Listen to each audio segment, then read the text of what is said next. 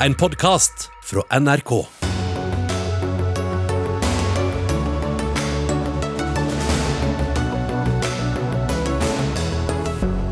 Det er bra for dialogen og for afghanere at Taliban kommer til Norge, sier en norsk afghaner. Det kan de ikke få lov til, protesterer en annen som har demonstrert mot besøket i ettermiddag. Helsedirektoratet foreslår å endre testsystemet for korona. Flere storbyer slår alarm om at systemet kneler.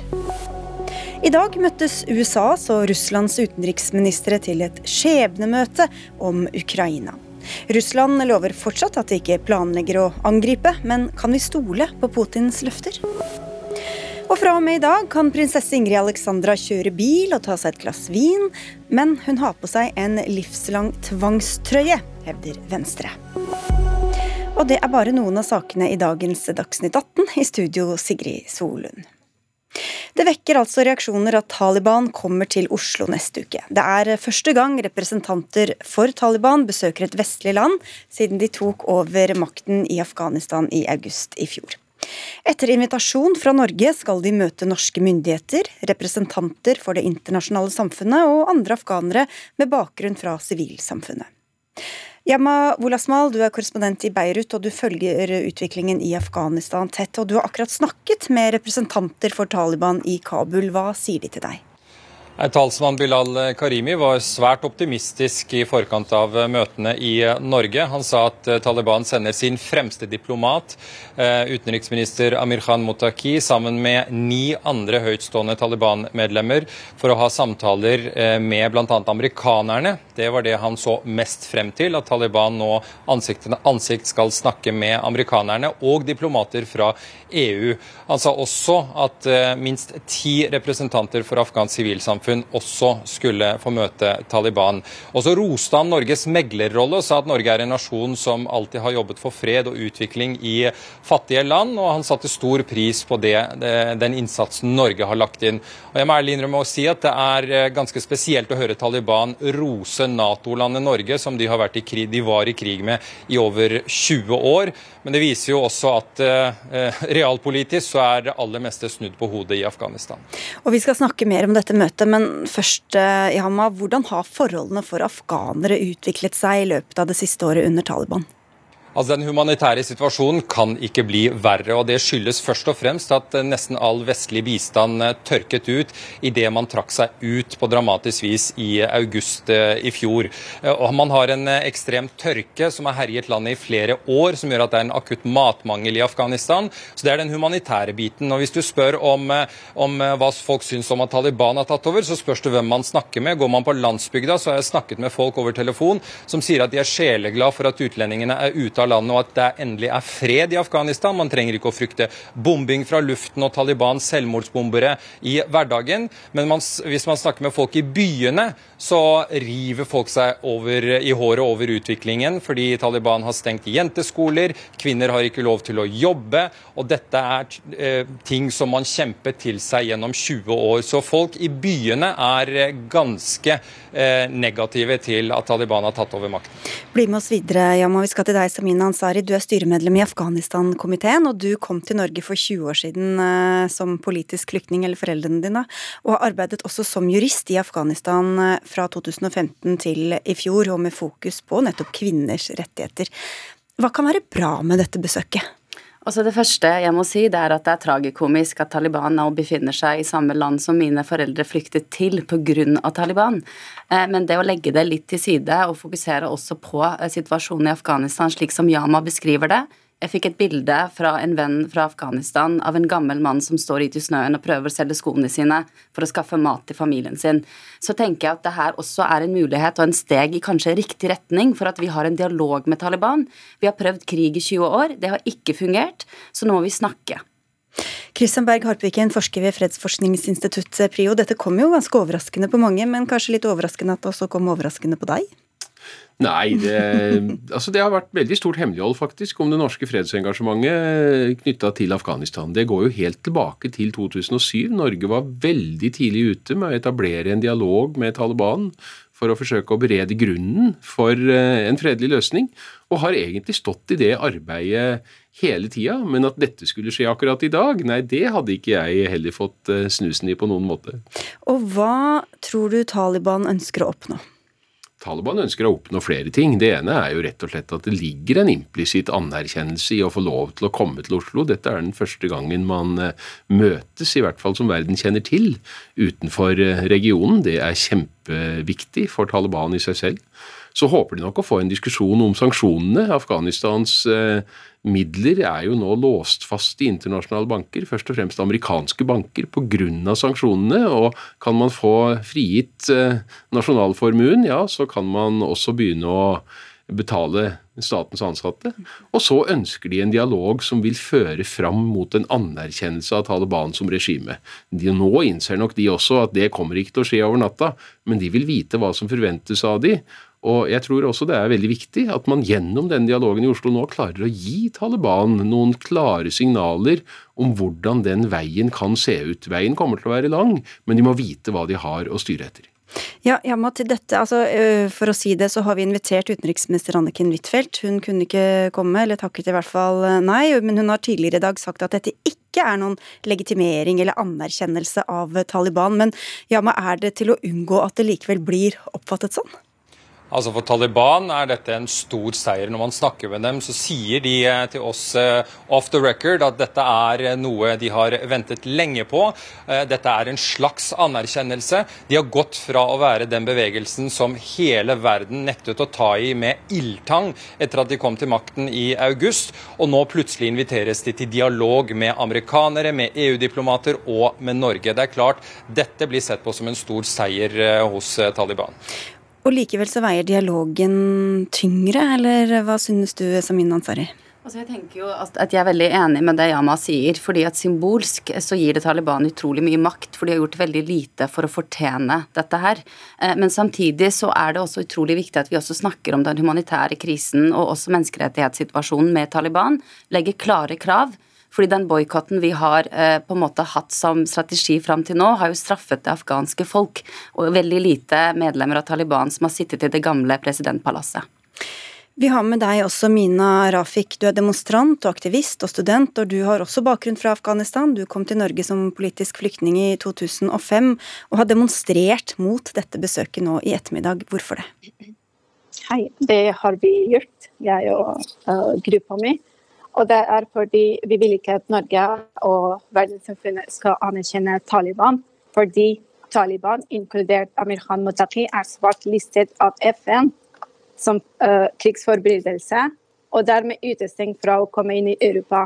Hvorfor Norge gjør det, liksom inviterer dem inn i her, som de uh, sa også det er en slags uh, godkjennelse av Taliban. De får mye makt nå. Vi oppfordrer den norske regjeringen til å overlevere forbryteren Muttaqi ved hans ankomst til Haagdomstolen i Nederland, slik at han blir stilt for retten for forbrytelsene han og hans gruppe har begått og fortsetter å begå i Afghanistan. Det er det vi ønsker fra Norge, å ikke anerkjenne uh, Taliban. De representerer ikke oss. Vi kan hjelpe humanitære uh, kvinner i Afghanistan og hele befolkningen via Røde Kors, Norske afghanske kvinner for endring og mange andre humanitære organisasjoner, og ikke Taliban. Det er ikke løsning. Ansari, hvorfor kan ikke bistand gå gjennom andre kanaler enn gjennom offentlige myndigheter? Eh, det må være en dialog der for å kunne nå det afghanske folk uansett. Eh, fordi bistand er jo ikke det eneste målet for Afghanistan akkurat nå. Vi må også ha langsiktig strategi på hva vi skal gjøre i landet fremover. Og samtidig så er jeg også enig med Mina. De følelsene anerkjenner jeg, og de følelsene er det utrolig mange mennesker som føler på. For det har vært flere generasjoner av afghanere som har opplevd Taliban-regimet tidligere, og frykter det verste nå. Rafik? Ja, som sagt, eh, vi er veldig redde. Vi vet at det er en uh, the first step. ikke sant? At de kommer nå på besøk, og så blir de anerkjent av Norge, syns vi, og så videre og så videre. Vi vil ikke. Taliban representerer ikke oss. Vi, skal, vi vil ikke at Taliban skal komme hit. De må sendes til uh, Haagdomstolen for det de har gjort mot Afghanistan. Men hvordan skal man klare å få endring uten å snakke med dem, da? Som det ble sagt her nå, har prøvd krig i 20 år. Hva med å prøve litt dialog? mm, de har vært der for 20 år siden, som sagt. Og de har prøvd hele de 20 ørene. Og nå har de snakket for 100 dager siden, har de kommet 15. august. Vi har prøvd, eh, eller ja, alle har prøvd, aktivister og verdenssamfunnet. De har ikke endra på noe. De fortsetter etter, eh, etter damer, jenter. Du må uh, ta på sjal, du må ha det og det. Hva skjer med utdanning, med mat? Vi har begynt å selge døtre for å spise mat, liksom. Ja, hva... har, ja. Nei, ja, unnskyld, Ansari. Hva, hva, tror du er sannsynligheten for at dialog kan faktisk ende opp i, i faktiske bedringer, f.eks. For, for kvinners rettigheter i Afghanistan? Jeg tenker at det er viktig at Taliban får konkrete krav eh, stilt fra hele det internasjonale samfunnet. fordi det internasjonale samfunnet har jo sviktet Afghanistan en gang allerede. Og uten dialog så kommer vi ikke noe vei. Harpiken, hva tror du, hva er, hva er, sannsynligheten for å klare å få gjennom faktisk gjennomslag for hva slags politikk Taliban fører?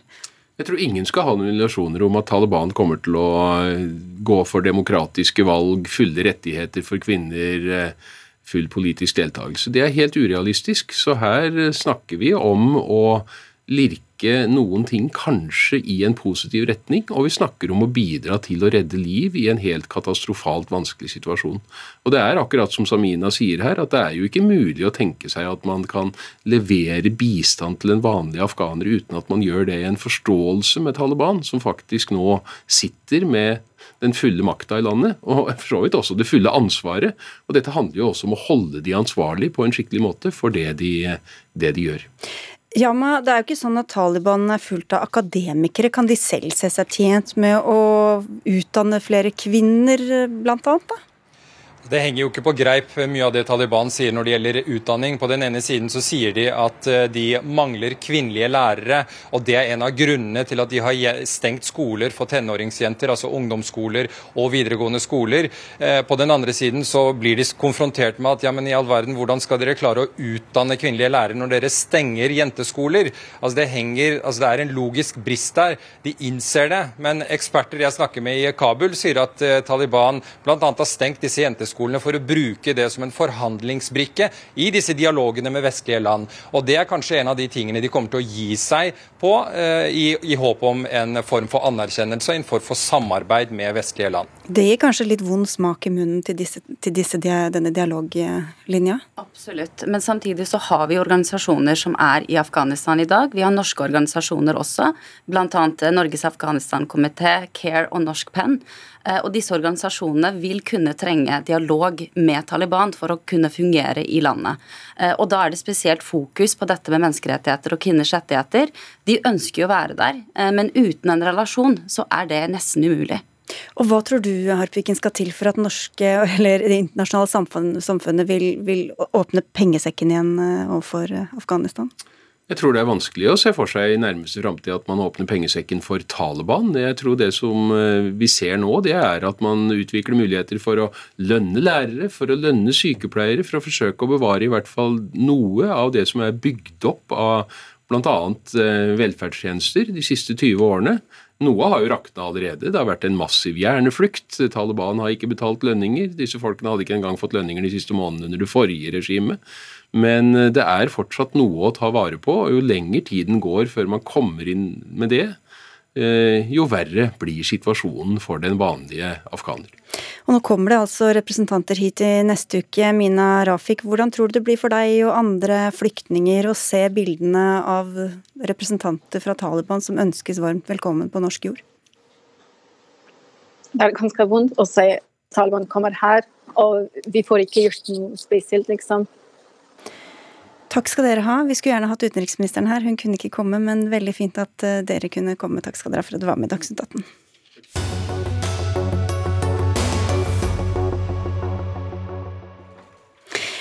Ja, i likhet med andre 18-åringer kan bursdagsbarnet prinsesse Ingrid Alexandra nå dra på butikken for å kjøpe øl, hun kan gifte seg, og hun kan ta lappen. Men som tronarving kan hun verken stemme ved valg eller melde seg ut av eh, statskirken. Og hun må også kunne forvente at offentligheten vil kreve en bit av henne resten av livet. Dette skriver du eh, og en til i VG i dag, Anja Johansen. Du er leder i Nordland Venstre. Slipp henne fri, skriver dere. Fri fra hva? Ja, det er, jo, det er, jo, en dag for fest, det er bursdag, og så er det en dag for alvor, for det er myndighetsdag. Og det tar oss jo over i det paradokset at der vi innrømmer andre ungdommer frihet, og vi diskuterer grad av frihet gjennom hele oppveksten deres, det gjelder utdanning, det gjelder yrkesvalg, det gjelder livssyn, uh, det gjelder handlingsrommet for prøving og feiling, så strammes jo dette inn i livet til de kongelige. Og det er det vi har invitert til en diskusjon om. Det er et liv med medias søkelys på seg, egentlig 24-7. Eh, det forventes at du befinner deg i offentligheten, det forventes at du lever et liv innenfor noen rammer. Det er et liv uten de frihetene vi andre tar for gitt i et fritt samfunn. Og det er et liv der du går til mange privilegier fordi du har arva en posisjon. Mathilde Tubring-Gjedde, stortingsrepresentant for Høyre. Du forsvarer monarkiet i Vårt Land i dag. Hvorfor skal vi fortsette å tvinge mennesker da mer eller mindre inn i en sånn rolle? Jeg synes det er litt rart å si at man skal fri prinsesse Ingrid Alexandra fra å selv kunne ta valg om hun ønsker å være tronarving og ønsker å bli dronning. Fordi at det er fortsatt valg hun kan ta nå som, som myndig. Eh, og det, det, må vi alltid huske på, at vi har en kongefamilie i Norge fordi det fungerer godt. Både fordi det har stor folkelig støtte, demokratisk legitimitet, men også fordi kongefamilien selv ønsker det. Men dette er jo eh, et ansvar som både hun og andre i kongefamilien har beskrevet at de har vært bevisst helt fra de var små. Så hvor reelt er det valget da egentlig, med tanke på de enorme konsekvensene det ville sagt, fått hvis hun hadde sagt fra seg eh, tronen? Altså, det er jo et ansvar som står i stil med hvor viktig posisjon er i vårt samfunn som en samlende funksjon funksjon. Eh, og så er det et ansvar som står i stil med hvor stort privilegium det også er. Det er klart det er krevende hvis man eventuelt skulle satt fra seg, eh, fra seg tronen, men eh, det er igjen det valget kongefamilien selv kan gjøre. Og frem til nå så er det jo kronprinsparet som har hatt mulighet til å ta den beslutningen, og nå er det Ingrid Alexandra. Mm. Og det er jo nettopp dette ansvaret som vi legger på noen unge skuldre, som vi som har skrevet denne kronikken, ønsker en diskusjon av. Eh, for én sak er å spørre folket. Det er brei oppslutning i folket rundt monarkiet, og det tror jeg ikke henger sammen med noen prinsipielle vurderinger, men det er en pragmatisk vurdering. De er veldig likende folk, og de har bevist i flere generasjoner at de er i takt med sin tid eh, og er samlende figurer. Eh, men én sak er å spørre folket, en helt annen sak er å spørre monarken eller de fremste i arverekka. Eh, og å stille seg det spørsmålet har han eller hun et reelt fritt valg. Hva blir konsekvensen dersom noen eventuelt skulle ønske å frasi, frasi seg sin plass? Eh, hva blir konsekvensen for den neste i arverekka? Altså hvor høy grad av reell frihet er det i dette. Men samtidig så er jo alle født inn til ulike forventninger, ulike forutsetninger, og noen i mer privilegerte roller enn andre, men det er ingen som kan fri seg fra bakgrunnen sin. Hvorfor er dette så innmari annerledes enn alle andres eh, forventninger og, og roller? Nei, selvfølgelig kan ingen fri seg fra bakgrunnen sin, og vi er et produkt av arv og miljø hele gjengen.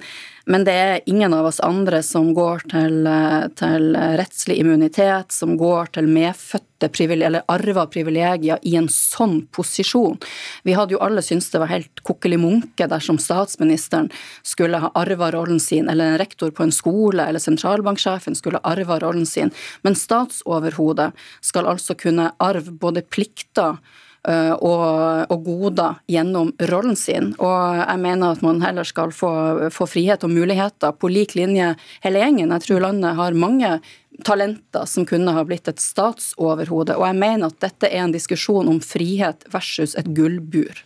Et lite stikk til sentralbanken, vil la det ligge? Jeg, mener at det er i hvert fall ikke et reelt valg når Venstre vil frata dem valget. For det er jo det som er alternativet her, nemlig at man da skal avskaffe monarkiet. Altså er urettferdig at kongen eller at kronprinsessen eller prinsessen ikke kan velge å bli dronning? Ja, altså, jeg mener jo at hvis man, hvis man skal skyve prinsesse Ingrid Alexandra foran seg i det jeg egentlig opplever er en vanlig motstand til monarkiet, så, så må man i hvert fall det være utgangspunktet. Men jeg mener mener jo at La oss ta prinsippet om at uh, posisjoner ikke skal gå i arv. Det mener jeg er en klok rettesnor, et viktig prinsipp. Men det er ikke det avgjørende prinsippet for hvorvidt en institusjon er bra, hvorvidt man bør avskaffe monarkiet eller ikke. Det viktige er jo hvorvidt det har demokratisk legitimitet, folkelig støtte. Og monarkiet i Norge i dag fungerer samlende, har stor støtte. Men det teller tyngre da for deg enn de, de dilemmaene det har for dem det gjelder, som prinsessen som f.eks. sier litt fritt etter hukommelsen her i et intervju med NRK, at hun må begrense seg, at hun også iblant kunne tenke seg en mer normal hverdag. Og det er jo et stort valg hun nå som myndig må ta, men ønsker å være tronarving. Og det, den, det vi ser fra kongefamilien nå, er at de har vært tydelige på at barna deres skal kunne ta deres egne valg.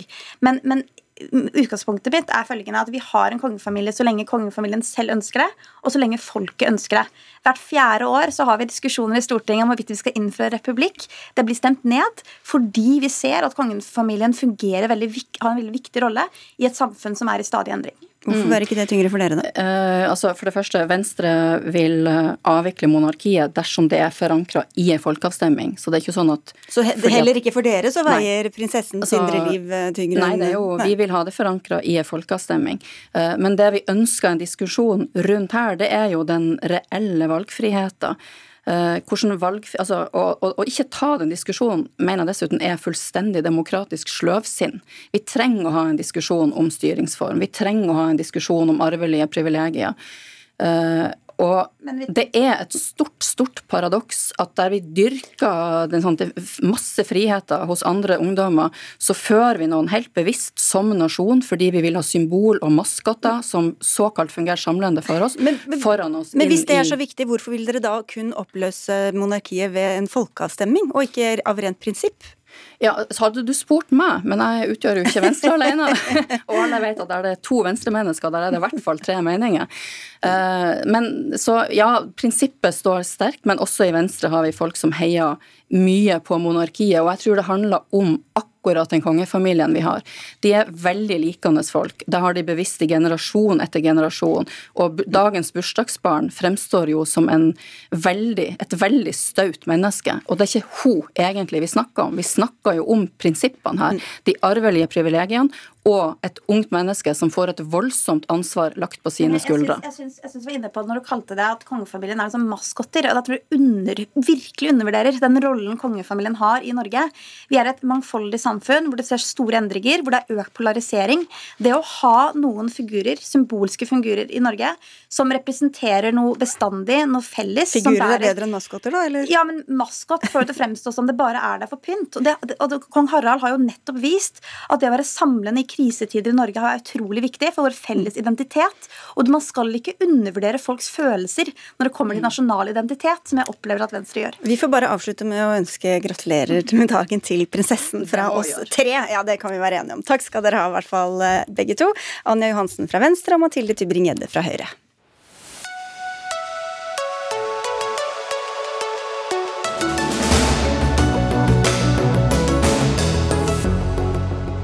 I dag møttes utenriksministrene fra USA og Russland, Anthony Blinken og Sergej Lavrov i Genéve.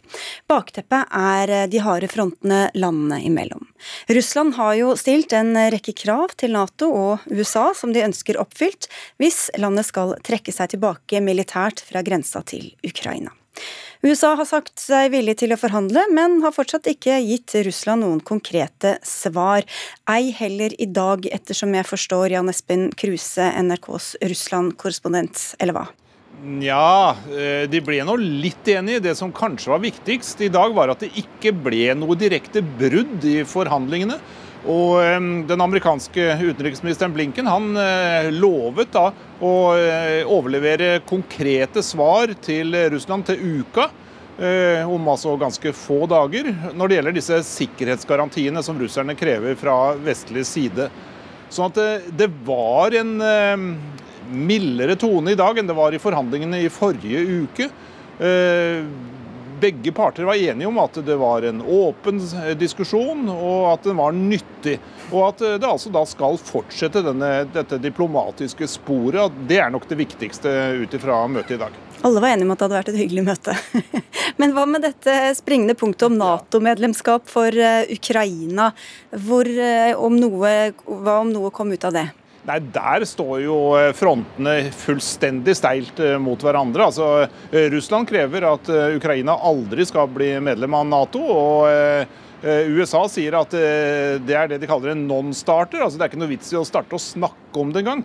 De bare avviser det fullstendig. Så her må eh, russerne enten gi seg på det, eller så kommer det til å bli alvorlige problemer eh, til uka når russerne får et nei på akkurat det punktet. Og de kommer til å få nei fra USA på en rekke andre punkt. Så eh, problemene er ikke fullstendig over, men det har i hvert fall blitt en utsettelse eh, av, av vanskelighetene. Og hva kan de kanskje få ja på da, når de møtes igjen? Ja, de kan, eh, i hvert fall håper man fra amerikansk side, at eh, russerne skal være villige til å snakke om f.eks. nye våpenavtaler, både for atomvåpen og vanlige våpen. Og også at man skal kunne planlegge militærøvelser, at de ikke skal komme overraskende på motparten. Det er det viktigste punktene som man fra vestlig side er villig til å, å snakke om. Og, men russerne sier at dette er jo ikke hovedpunktene. Hovedpunktene fra russisk side er rett og slett å få begrensa Natos militære aktivitet i landene som ligger tett opptil eh, den vestlige grensa eh, til eh, Russland. Så motsetningene er fortsatt kjempestore. Men eh, man eh, håper altså at eh, det skal være, være, mulighet og vilje ikke minst, til å snakke om noe. Og Så er det jo dette kjempestore, vanskelige spørsmålet om de 100 000 russiske soldatene som er i nærheten av grensa til Ukraina. Hva skal skje med dem? Vil Russland gå med på å flytte i hvert fall en del av de styrkene tilbake til der de kommer fra, eller vil de fortsette å bygge opp denne styrken som en trussel mot Ukraina? Det er nok å snakke om fortsatt. Takk skal du ha, Jan Espen Espen Kruse. Våren Alme, du er kommentator på nettstedet amerikanskpolitikk.no. I går eh, var det markeringen av Bidens ettårsjubileum som president i eh, USA. Hva slags linje har han lagt seg på nå overfor Russland? Altså, Helt fra start, fra valgkampen hans og, og, gjennom hans presidentskap, så har han liksom erklært at Amerika er tilbake. Uh, og Det gjelder både overfor allierte og det gjelder overfor motstandere. Uh, så, så, dette her er på en måte en, en stor test da, for, for, Biden og hans lederskap. Uh, så Det, altså, det jeg syns vi ser nå, det er en Biden som på den ene siden er, er klar på at han forsøker nå å å legge opp til forhandlinger og, og, legge opp til diplomati. Han prøver å skissere et forhandlingsrom, som Jan Espen Kruse akkurat eh, beskrev, men samtidig så er han veldig klar på at det er noen røde linjer, bl.a. på nasjoners selvbestemmelsesrett osv. Um, men, men så har han jo samtidig sagt det er opp til Russland hva de velger å gjøre. Vi kan møte dere på enten det diplomatiske sporet eller det altså konfliktsporet. Så han er ganske sånn realpolitisk også. og Han, han hadde jo da en pressekonferanse i anledning dette ettårsjubileet som han, han kalte en ny start. Eh, og det sier jo litt om hva slags situasjon vi har i USA akkurat nå. Um, men der la han også opp til en veldig sånn realpolitisk linje. Altså, dette her, Vi håper det løses diplomatisk, men vi får se. Og her har vi på en måte en stor pakke med sanksjoner og i det hele tatt som, som vi har som trusler da i bakhånd. Thomas Nilsen, du er redaktør i Barents Observer og er med oss fra Kirkenes, bare et eh, steinkast fra grensen mot Russland. Og du har også fulgt nøye med på utviklingen. I forrige uke var det møter mellom Russland og bl.a. Nato. Hva tror du de vil oppnå med disse egne møtene med USA? Ja, for, for, Russland så er det en eh, stor seier at de får egne møter med USA. Eh, det ligger helt sentralt i russisk utenrikspolitikk at de vil ha bilaterale, bilaterale samtaler med eh, land, også når det gjelder sikkerhetspolitikk, og ikke store blokkorganisasjoner som, som Nato. Og så gir det jo Vladimir Putin et veldig godt seier på, på hjemmebane at han på en måte har fått øverst øverste ledelsen i USA eh, i tale. Det, da er det likeverdige partnere, eh, og det er jo det eh, Vladimir Putin og gjengen rundt han ønsker å vise overfor sin egen befolkning. Som jo da, han, han peker jo på at sammenbruddet av Sovjetunionen var den største geopolitiske katastrofen i, i Europa osv. Men nå er han tilbake der han vil ha Russland. Vi var innom Ukraina i stad. Annekteringen av Krim i 2014 kom skal vi si, litt eh, på. Kan vi forvente at Russland overrasker oss igjen, til tross for hva de har sagt om Ukraina? Ja, Det tror jeg absolutt vi skal være forberedt på det usannsynlige. Det er veldig veldig vanskelig å uh, analysere uh, hva som foregår inne i Kreml og, i denne ekkokammer Eh, gjengen rundt eh, Vladimir Putin. Eh, men det kan jo komme en overraskelse andre veien òg. Og det kan jo være at man trekker styrkene tilbake fra grensa fra Ukraina. og Så har da Russland fått en seier på det området òg, for da kan Putin og Lavrov si det var det vi hadde sagt hele tida, og nå hadde vi gjort det. Det var kun konspirasjonsteorier som USA og Vesten presenterte om en eventuell invasjon i Russland. Men det her vet vi ingenting om. og Det er det som er skummelt skummelt med dagens Russland, er at det er veldig veldig vanskelig å se uh, hva er de reelle motivene, og hvordan vil Russland jobbe uh, for å oppnå sine ønsker. Våren Alme, Det er jo kommet litt, skal vi si, litt ulike signaler fra toppledelsen i USA om hvordan uh, amerikanerne vil reagere på en eventuell overtredelse av grensa mot, mot Ukraina fra russisk side. Hvordan skal vi tolke dette? Mm. Ja, Det, det vitner jo egentlig litt om den vanskelige situasjonen de er i. Og Biden begynte jo hele sin, eh, sitt presidentskap med på en måte en slags utenrikspolitisk reorientering mot Kina. Det var liksom Kina som skulle nå være den store internasjonale eh, motstanderen og trusselen. Eh, sånn at jeg tenker jo at det vi ser, er både en, en, Biden som ønsker å holde det fokuset, men en som også vis, ønsker å vise fasthet overfor Nato. altså vise samhold i Nato overfor Russland. Uh, og det, det, er vanskelig i en situasjon som dette her. Ukraina er ikke medlem av Nato. Han har vært tydelig på at de dekkes ikke av artikkel 5, altså det kollektive forsvaret i Nato. Samtidig så er han veldig opptatt av at uh, altså USA har en Eh, nesten en garanti da, eh, for å beskytte Ukraina, eh, hva nå enn det betyr, og hvordan det ser ut. De har sagt, Blinken og Biden har sagt at de skal gå så langt de kan for å beskytte Ukraina, men særlig da avskrekke aggresjon mot Ukraina. Men så vet vi jo også at det de snakker om er jo ikke en militær konflikt. Det de snakker om er å finansielle sanksjoner, teknologiske sanksjoner, det handler om å bevæpne ukrainske styrker osv. Og så håper de at det er nok til å avskrekke en konflikt. Vi skal snakke, straks vende nesa litt innover, holdt jeg på å si. Thomas Nilsen, det er vel ikke noe begrep. Men eh, hvis Russland faktisk invaderer eh, Ukraina, igjen, hvilke konsekvenser tror du dette kan få for nordområdet og for Norge? Ja, på, på, sikt så vil jo det destabilisere eh, veldig mye av sikkerhetspolitikken i hele Europa. Og eh, det kan få spilleovereffekter nordover òg. Eh, men jeg tror eh, det er veldig russisk egeninteresse å holde lav lavest mulig spenning i nord. Eh, det er her de har de strategiske kjernevåpnene eh, basert på ubåter ute fra Kolahalvøya. Det er her de har veldig mye av de flåtestyrkene som f.eks. var seilte rundt Gotland i forrige uke osv. Så, videre. så Russland har ingen egeninteresse av å eskalere konflikten nordover.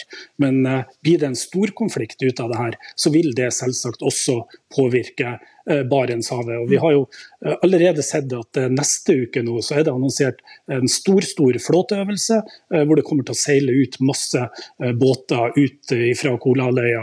Et av de skyteområdene som de har varsla, som vi i Barents Observer skriver om i dag, det ligger akkurat i grenseområdet, delvis over på norsk side av grensedelelinja i Barentshavet.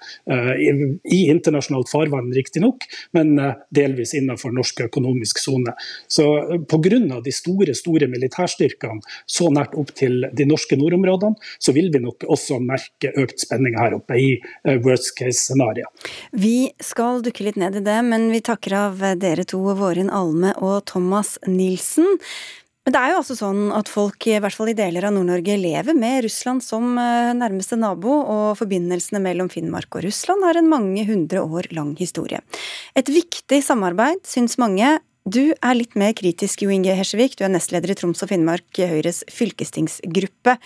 Og du mener at noe av dette grensesamarbeidet er en del av den hybride krigføringen og en mediestrategi fra Russlands side. Hvorfor tror du det? Eh, nei, ja. det, jeg må legge til at vi har, eh, samarbeidet vi har med Russland er kjempeviktig. Folk-til-folk-samarbeidet er noe vi ønsker å videreføre. og Handelen vi har hatt med Russland har vært kjempeviktig for Finnmark og noe vi ønsker å få tilbake. Men så er det sånn at Russland i en tid da hvor vi eh, så det som skjedde i Krim, ba om å få lete etter noen tapte krigshelter. Man la opp GPS-gjemminger, man holdt på med forstyrrelser jf. den øvelsen de nå skal legge økonomisk sone. Og Det er ofte for å trekke vekk fokuset fra viktige hendelser andre plasser i Europa, der hvor russerne er mye mer aggressive overfor sine naboer. Og, og Det mener jeg at vi som et lite naboland, et Nato-land, bør være veldig klar på måten vi uttaler oss på. At vi støtter opp om andre land som er naboer med Russland, om at grenser skal være ukrenkelig, og at en stor nabo aldri skal få bølle med en liten. Jeg mener du vi... Bruker russerne Norge og gode forbindelser i nord, eller hva? Det gjør de, og, og, og de gjør det på, mye på som medieplattformer. Hvis vi er ute og kritiserer regjeringa fra Finnmark på at de sanksjonene som er lagt inn, bør ta slutt. Fylkesordføreren vår gjorde det ganske nylig i 2019. Eh, så vil jo selvfølgelig Putin få en støtte for at de sanksjonene Nato innfører, ikke burde funnet sted. Og den støtten har han henta i Finnmark. Og, og, det tror jeg vi skal være mer forsiktige med å gi han, den hjelpa han da ber om. Remi Strand, fylkespolitiker i Vardø og leder av Finnmark Arbeiderpartiets internasjonale nettverk. Bare for å følge opp det Hesjevik eh, sa her nå. Vi vet jo at russerne, i likhet med noen andre land, ønsker å skape intern splid, mistro til makta, noe som f.eks. gjør nord-sør-konflikten beleilig. Hva tenker du om at dere kanskje kan løpe Russlands ærend eh, uten kanskje engang å vite om det selv? Ja, jeg syns nok det er litt konspirativt, eh, det som eh, Hersevik sier. I norsk utenrikspolitikk så er vi jo vant til å ha to tanker i hodet samtidig. Og jeg og mange av mine naboer som bor her i i eh, øst i Finnmark, eh, vi er vant til å operere innenfor den eh, ramma at vi vil ha dialog, vi vil ha mer og nærmere naboskapsrelasjoner med folk i Nordvest-Russland. Dette har ingenting med sikkerhetspolitikk i den forstand å gjøre, men det handler om at det her har vi holdt på med i, i generasjoner. I tusen år minst så har vi hatt kontakt med våre venner i Nordvest-Russland. Og det er, en, det er en annen driv enn en, ja, den her dialog, dialogdriven, kan du si. Det er noe annet enn den her sikkerhetspolitiske ramma som Hersevik eh, står i når han snakker i dag. Men hvordan kan du løsrive disse tingene helt fra hverandre? Ja, eh, nå er det jo sånn at eh, så lenge eh, Altså, den, det er helt opplagt at det er to forskjellige ting. Eh, altså, Norsk utenrikspolitikk er vi opptatt Nå frøs du litt. Ja. ja Vinn setningen på nytt. Ja, Det er helt andre drivere uh, ute og går i den naboskapsrelasjonen som jeg er en del av. Uh, det, er, det, er, det, er, altså folkelig engasjement, det er gammelt uh, folkelig samkvem, det er felles kultur og mye av det her som vi holder på med. og Vi gjør det her innenfor den ramma som er i norsk utenrikspolitikk. og, og da Eh, jeg opplever ikke at det er noen eh, motsetninger her i forhold til den naboskapsdialogen vi har, og den hovedstadsdialogen som egentlig Hersevik eh, snakker ut ifra. Hersevik? Ja, nei, jeg, jeg, hører hva han sier, men, men Finnmark har mye kontakt med Russland. og vi, vi tar aldri opp journalister som blir drept, journalister som blir forfulgt i Russland. Vi tar aldri opp homofiles rettigheter. Vi er veldig veldig forsiktige. Men vi tar opp ting som er viktig for Putin. Og vi tar opp og vil fjerne boikotten, de økonomiske sanksjonene, da er vi på bordet. Da uttrykker vi oss klart og tydelig. Så jeg mener at vi har vært for ensidige, og vi har vært for dårlige til å se på at det vi gjør i Finnmark, kan ha konsekvenser i Ukraina, det kan ha konsekvenser i Georgia.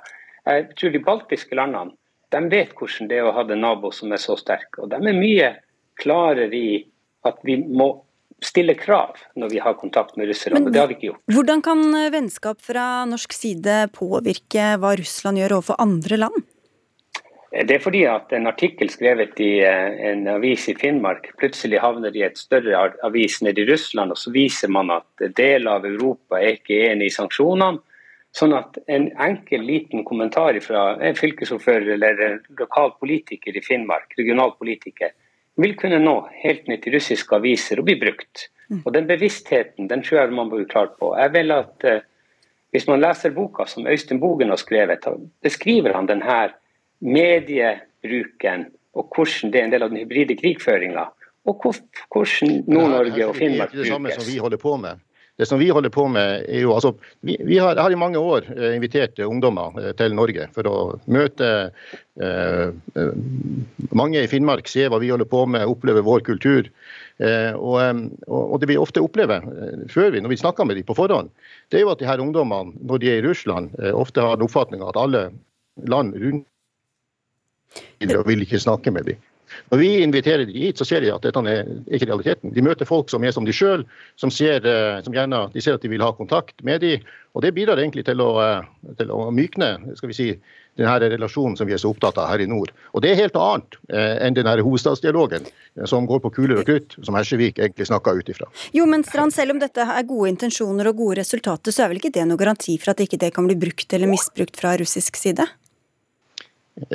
Men eh, ikke, altså, vår motivasjon, eh, altså vi, vår oppgave er egentlig å snakke mer, tenker jeg, eh, enn å la oss hemme av, av sånne, sånt misbruk. vil jeg si. Jeg vil si at vi kommer mye lenger ved å holde i gang den dialogen som vi da i min by f.eks. Vardø har holdt på med i, i 1000 år, enn å si at nå skal vi stenge grensene, sånn som man forsøkte å gjøre eh, under den kalde krigen. Det var det verste som kunne skje i forhold til dialog. Det skapte mistro, og ikke det motsatte. Ja, hva savner du da fra nasjonale myndigheter når det gjelder dialog med Russland? Jeg savner egentlig ingenting. Jeg syns nasjonale myndigheter, og særlig den siste regjeringa nå, har gjort veldig mye eh, for å styrke eh, Barentssamarbeidet. Og Det er jo det som egentlig er vår plattform eh, her nord, med i forhold til å knytte kontakter Hersvik, har vi deg fortsatt med? ja, det har du. Og, og, jeg ville bare ha sagt at, at Remi Strand har vært gruppeleder for Arbeiderpartiet. Når eh, flytrafikken i, eh, med ham er trua av rakettøvelser, når GPS-en blir hjemme og ambulanseflyene blir utsatt for sikkerhetsrisiko, så har Fullmann fylkesting aldri uttrykt negativitet i Russland for å holde på med det. Og det er denne ensidigheten eh, som eh, gjør at vi blir brukt. Og jeg kunne tenke meg at man ja, vi skal invitere til samarbeid, men vi må også stille krav når vi ser menneskerettighetsbrudd. Vi må være Vi må ikke bli ensidige. Ok, Strand på det til slutt. Ja, men han, han er, jeg vil si at Hersevik er en helt annen dimensjon. Det vi holder på med, er menneske til menneske, folk til folk og relasjoner. Det har, har ikke noe med eh, Og Da, kan, da trenger de ikke å si fra om eh, menneskerettighetsbrudd, f.eks.? Eh, vi kan godt si vi kan snakke om mange ting eh, men, eh, i denne relasjonen, men jeg tror ikke det hjelper, det hjelper å, å, å si, fremme ultimatum hele veien når vi skal ha en dialog gående mot Nordvest-Russland, sånn som Hersevik argumenterer. Nei, hvorfor skal man ødelegge naboskapet, Hersevik, bare for å få lagt inn noen prinsipielle stikk? Jeg syns ikke det er så artig å ha en idrettsøvelse hvis jeg vet homofile blir forfulgt eller journalister blir drept. Jeg okay. gjør ikke det. Dere, vi må avslutte. Tusen takk skal dere ha begge to for at dere var med. Jo Inge Hesjevik eh, fra Høyre og Remi Strand fra Arbeiderpartiet.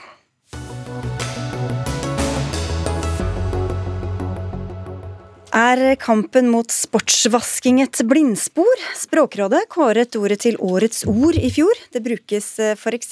om at myndigheter i autoritære land bruker store sportsarrangementer for å sette seg selv i et bedre lys. F.eks. er OL i Beijing, som starter om 14 dager, og fotball-VM i Qatar i november, av mange forbundet med nettopp sportsvasking. Men du har sett deg lei dette begrepet, Øyvind Håbrekke. Du er faglig leder i eh, tankesmien Skaperkraft. Hvorfor har du det? Jo, Det er jo ikke noen tvil om at autoritære regimer bruker et sett av virkemidler for å sette seg sjøl i et godt lys, for å dempe kritikk og skape, eh, skape seg et godt omdømme, deriblant idrettsarrangement. Opplagt gjør de det. Så I den forstand kan jo begrepet ha en form for, en form for berettigelse. Men når man bruker begrepet i eh, Når man bruker det til å diskreditere mesterskapene i seg sjøl. Og da, da går det så langt at man på en måte nedvurderer da internasjonal idrett som verdifull møteplass. Eh, fordi at vi har jo, Du nevnte jo OL, da, og det har jo, vi har jo en tradisjon for OL siden 1896 som, bare, som har gått uavhengig av spenninga bare eh, da med stopp under to verdenskriger. Ellers har det gått uavhengig av jernteppe og kald krig osv. Så, videre, så har vi møttes på tvers av kulturelle skillelinjer, politiske, religiøse eh, og hva det måtte være, for å leke sammen og konkurrere i fredelig kappestrid eh, fra mennesker over hele verden. Og Det er fantastisk verdifullt, og det skal vi anerkjenne og det skal vi fryde oss over, og ikke snakke ned. Jon Peder Egenes, generalsekretær i Amnesty Norge, dere har snakket masse om sport sportsvasking. Hvorfor er det et nyttig begrep å bruke? Jo, Først er det nyttig fordi det beskriver den faktiske situasjonen. Altså at disse statene, Qatar, til en viss grad Kina, bruker idretten for å måtte sky kaste skygge på de menneskerettighetsbruddene de begår. Så begrepet i seg selv er bare en beskrivelse av en situasjon. Der jeg kanskje er mest uenig med Håbrekke, det er når han sier at det å bruke dette i kampen for menneskerettigheter er et feilspor. Fordi at hvis, altså, det, Dette vil jo vise seg over tid da, om dette faktisk er nyttig. Men i hvert fall det vi ser nå, la oss ta Qatar som et eksempel. Det er jo at gjennom å kaste lys på den mishandlingen de eh, bedriver overfor migrantarbeidere, så har vi klart å presse qatarske myndigheter til å endre lover som er ekstremt undertrykkende. Det hadde ikke kommet av seg selv. Det hadde ikke kommet av at de fikk fotball-VM alene. Det kom fordi eh, medier, Amnesty, Human Rights Watch og andre avdekket forholdene gjorde Fifa oppmerksom på og krevde at de sto ansvarlige for dette, og presset på myndighetene. Og Dermed så har faktisk da denne samtalen om sportsvasking ført til noe positivt. Det ville det ikke gjort hvis vi ikke hadde gjort det på den måten. Du skriver om søstre og brødre og at vi trenger å leke sammen, Håbrek, i, et innlegg, eller i dette innlegget du skrev i Midtnorsk debatt. Men hva, hva ligger i det? Skal det helt frigjøres, frikobles fra det politiske, eller? Vi skal kjempe for eh, menneskerettighetene overalt og over hele kloden. Eh, og jeg har lyst til å gi stor anerkjennelse til Amnesty International, både for den jobben dere har gjort for å sette lys på, på overgrep mot migrantarbeidere i Qatar og, og, menneskerettighetsspørsmål generelt. Men grunnen til at vi Det er jo fordi, nettopp fordi vi er søsken, som du sier. Eh, så Her kom den gamle KrF-politikeren inn. Søsken på jorda, ja? Ja, ja, ikke sant? Ja, men, jeg, ja, men det, det, er et godt poeng. for Jeg vokste opp under den kalde krigen, og da var jo Sovjet det var på en måte eh, eh, for meg assosiert med trussel om, å få, om atomkrig. Men men samtidig så lærte jeg, da, for, for å følge sporet ditt på søndagsskolen, at uh, vi er en masse søsken, oss skiller ingenting. Uh, og det var i, i, tillegg så hadde vi idretten, som viste oss en annen side ved de andre kulturene bak jernteppet. Og den arenaen er så verdifull at det, det skal vi Så jeg, jeg syns nok at uh, det er bra at vi adresserer menneskerettighetsbrudd i Qatar og Kina, men vi må vi må anerkjenne òg at vi trenger å møtes. Vi trenger disse arenaene for fredelig kappestrid. Tenk om vi sto i 2022 med alle de spenningene vi har i dag, og ikke hadde de mellommenneskelige kulturelle arenaene. Da hadde vi virkelig vært ille ute.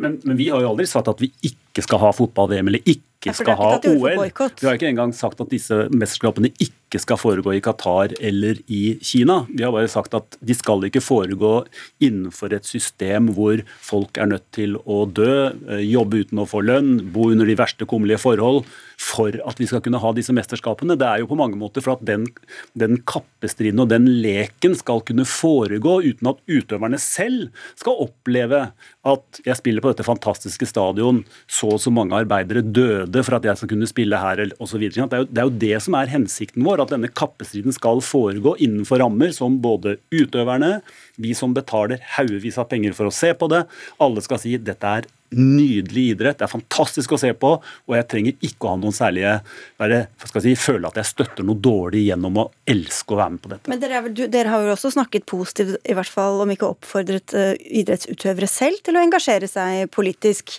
Så da kommer du inn på arenaen, da?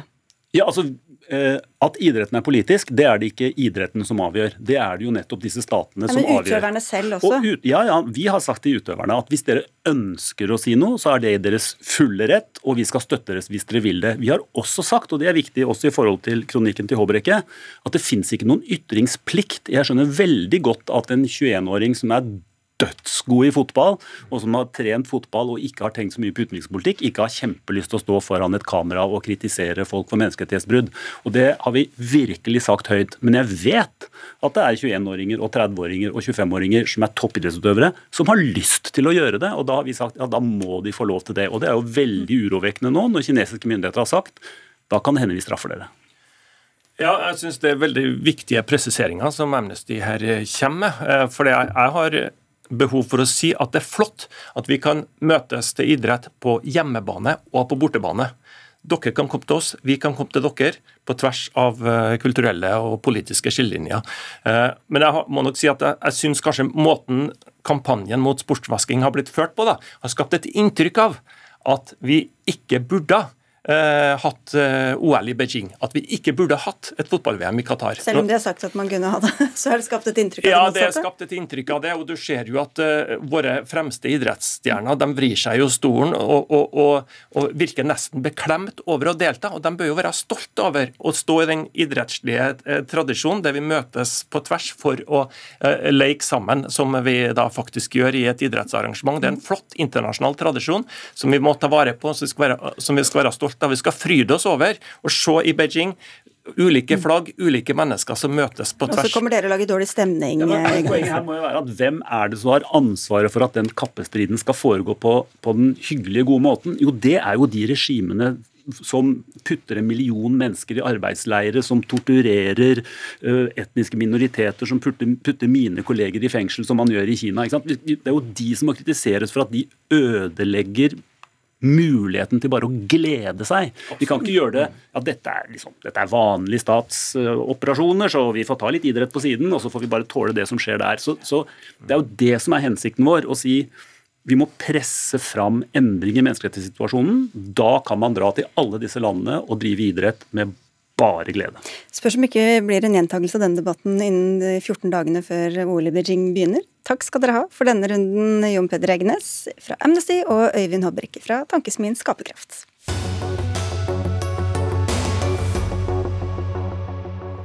Testing skulle bli vår vei ut av pandemien, men nå opplever flere kommuner rundt om i landet enorme køer utenfor teststasjonene.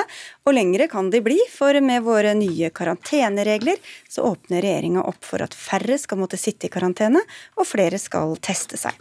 Nå advarer Oslo kommune om at testtilbudet i hovedstaden er i ferd med å knekke sammen. Robert Steen, du er helsebyråd i Oslo. Hva er det ved tilstandene som gjør at dere kommer med denne advarselen nå? Det er jo konsekvensen av at eh, omikronviruset gir mye mer smitte i samfunnet. Det i seg sjøl er ikke farlig, men behovet for testing har eksplodert. I dag så er det 10 000 mennesker som blir testa i Oslo. Det har det vært de siste dagene. På en ukebasis er det 70 000 mennesker. Det er 10% av hele Oslos befolkning. Og neste uke skal det øke. Vi begynner nå å få i og for seg, eh, om ikke pusteproblemer, så i hvert fall problemer med nok mennesker både på laboratoriene som skal analysere disse testene, og også på testsentrene for de som skal gjennomføre disse testene, til å klare å møte sånne volumer. Og testsystemet vårt var aldri satt opp til å klare sånne volumer. Det var satt opp til å klare 5% av befolkningen. Nå er vi på det dobbelte av det. Og Hva er det dere etterlyser, da? Nei, Det vi etterlyser er et eh, kall det, eh, nytt regime i forhold til dette med å tenke testing. Kall det gjerne det neste skrittet til en normalitetssituasjon. Vi ønsker nå at eh, de hurtigtestene som etter hvert veldig mange har blitt vant til, skal likestilles med PCR-testene som vi får på stasjonene.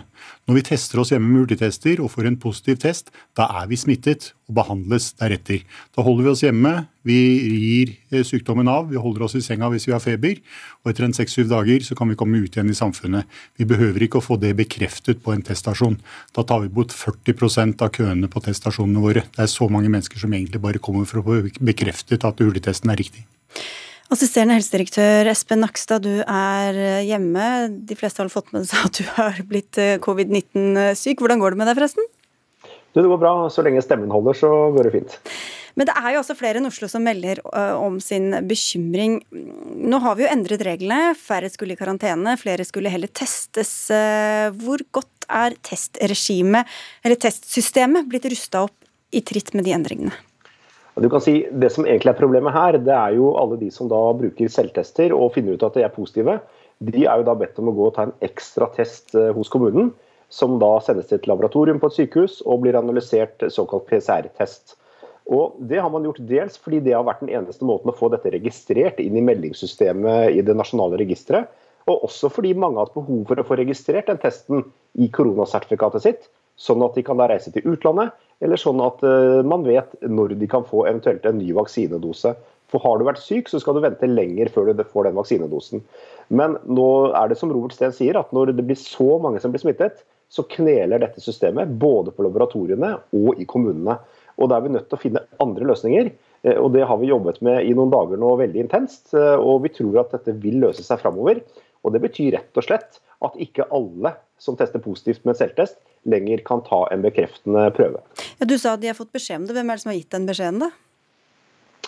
Nei, eh, Vi har alle sammen gitt beskjed om at det er viktig å ta den bekreftende prøven. og Det har vært veldig viktig, for det har gitt veldig god oversikt over pandemien.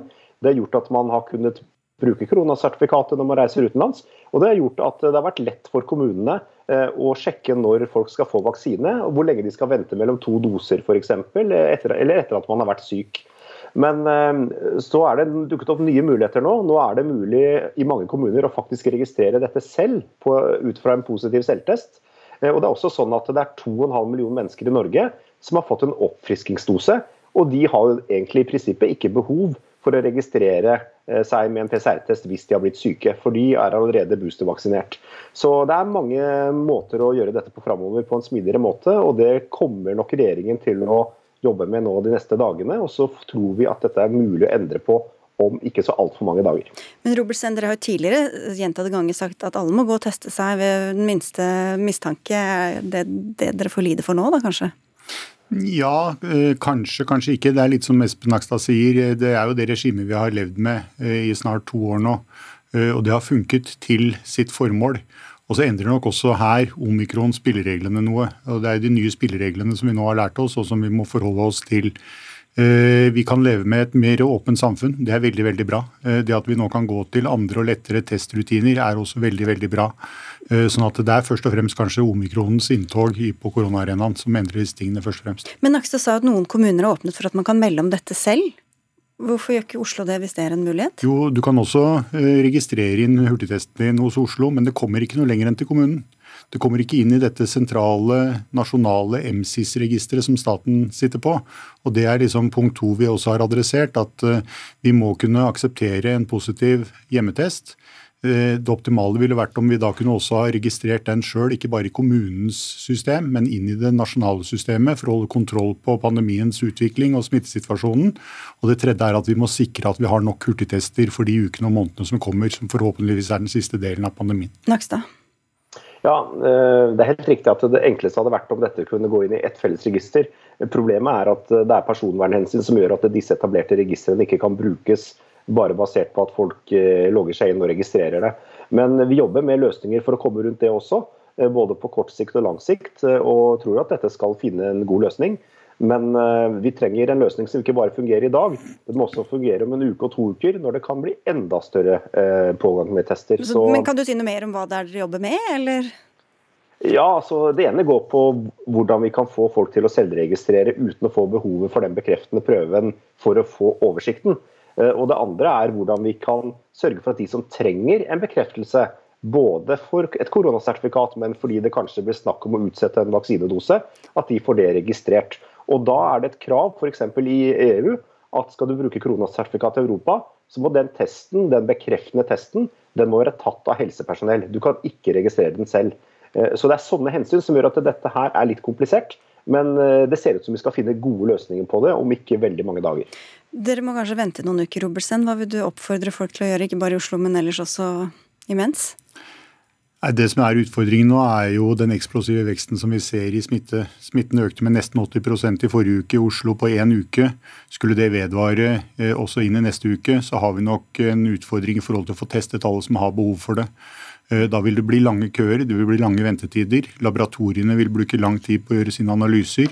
Og fort så er vi i en situasjon hvor det går fem, seks, kanskje syv dager fra du får symptomer til du får testresultater. Og da har testen ingen verdi i forhold til verken din isolasjonstid, for den er jo da over, eller å få varslet nærkontakter, eh, som jo var hele hensikten med dette. Det er jo et problem. Ok, Så hvis man ikke absolutt må få bekreftet en Nakstad, vil du si at de hjemmetestene er eh, nok til å stole på? Til at hvis den viser positivt, så skal man bare slå seg til ro med det?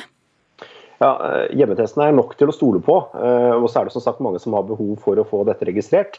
Men eh, det kommer til å bli kommunisert veldig tydelig hvordan folk skal gjøre dette når dette systemet etter hvert endres. Og så er det jo selvsagt sånn at det haster litt med dette her. Fordi smitten som Robert sier, den øker jo egentlig fra dag til dag. Så vi jobber veldig så fort vi kan med disse tingene.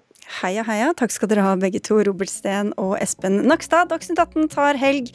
Anne Katrine Førli, Eli Kyrkjebø og Sigrid Solund ønsker en riktig fin kveld.